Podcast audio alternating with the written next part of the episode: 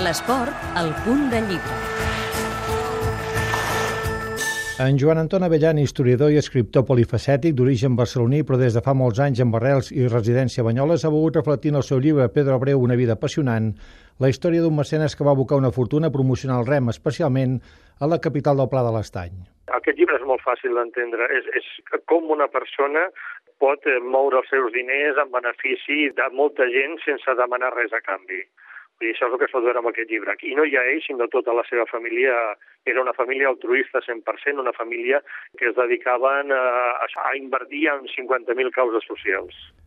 Com recull Joan Antoni Avellana en el seu llibre, en Pedro Abreu va arribar a Banyoles provinent del País Basc, però era de família rica d'origen cubà i que havia fet fortuna amb la canya de sucre i a Banyoles hi va deixar moltes mostres de generositat pagant de la seva butxaca quantitat d'activitats, activitats com podien ser crear a Banyoles una escola de rem on hi havia tant la part esportiva com la part de formació de la persona, amb una casa d'estudis on hi havia quasi 25 professors.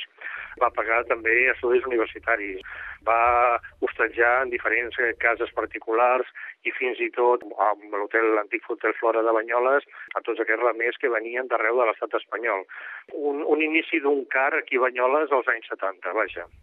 En Pedro Abreu va morir a Ginebra, Suïssa, l'any 2004, però el seu mecenatge s'havia acabat 24 anys abans, quan a Pedro Abreu l'ETA el va segrestar. Ell va aparèixer a Banyoles a mitjà dels anys 60. La seva idea era crear una, una universitat de rem a Banyoles, però malauradament l'any 80 eh, l'ETA el va segrestar i quan el van deixar en llibertat va deixar el país i se'n va anar a viure a Suïssa. En Joan Anton Avellan, que des del 2005 al 2008 va ser president del Club Natació Banyoles, ha escrit nombrosos llibres de temàtica ben diversa. Entre aquests, també de l'àmbit de l'esport, l'any 2000, el del 75è aniversari del Club Natació Banyoles, i l'any 2004 el titulat El rem a l'estany de Banyoles.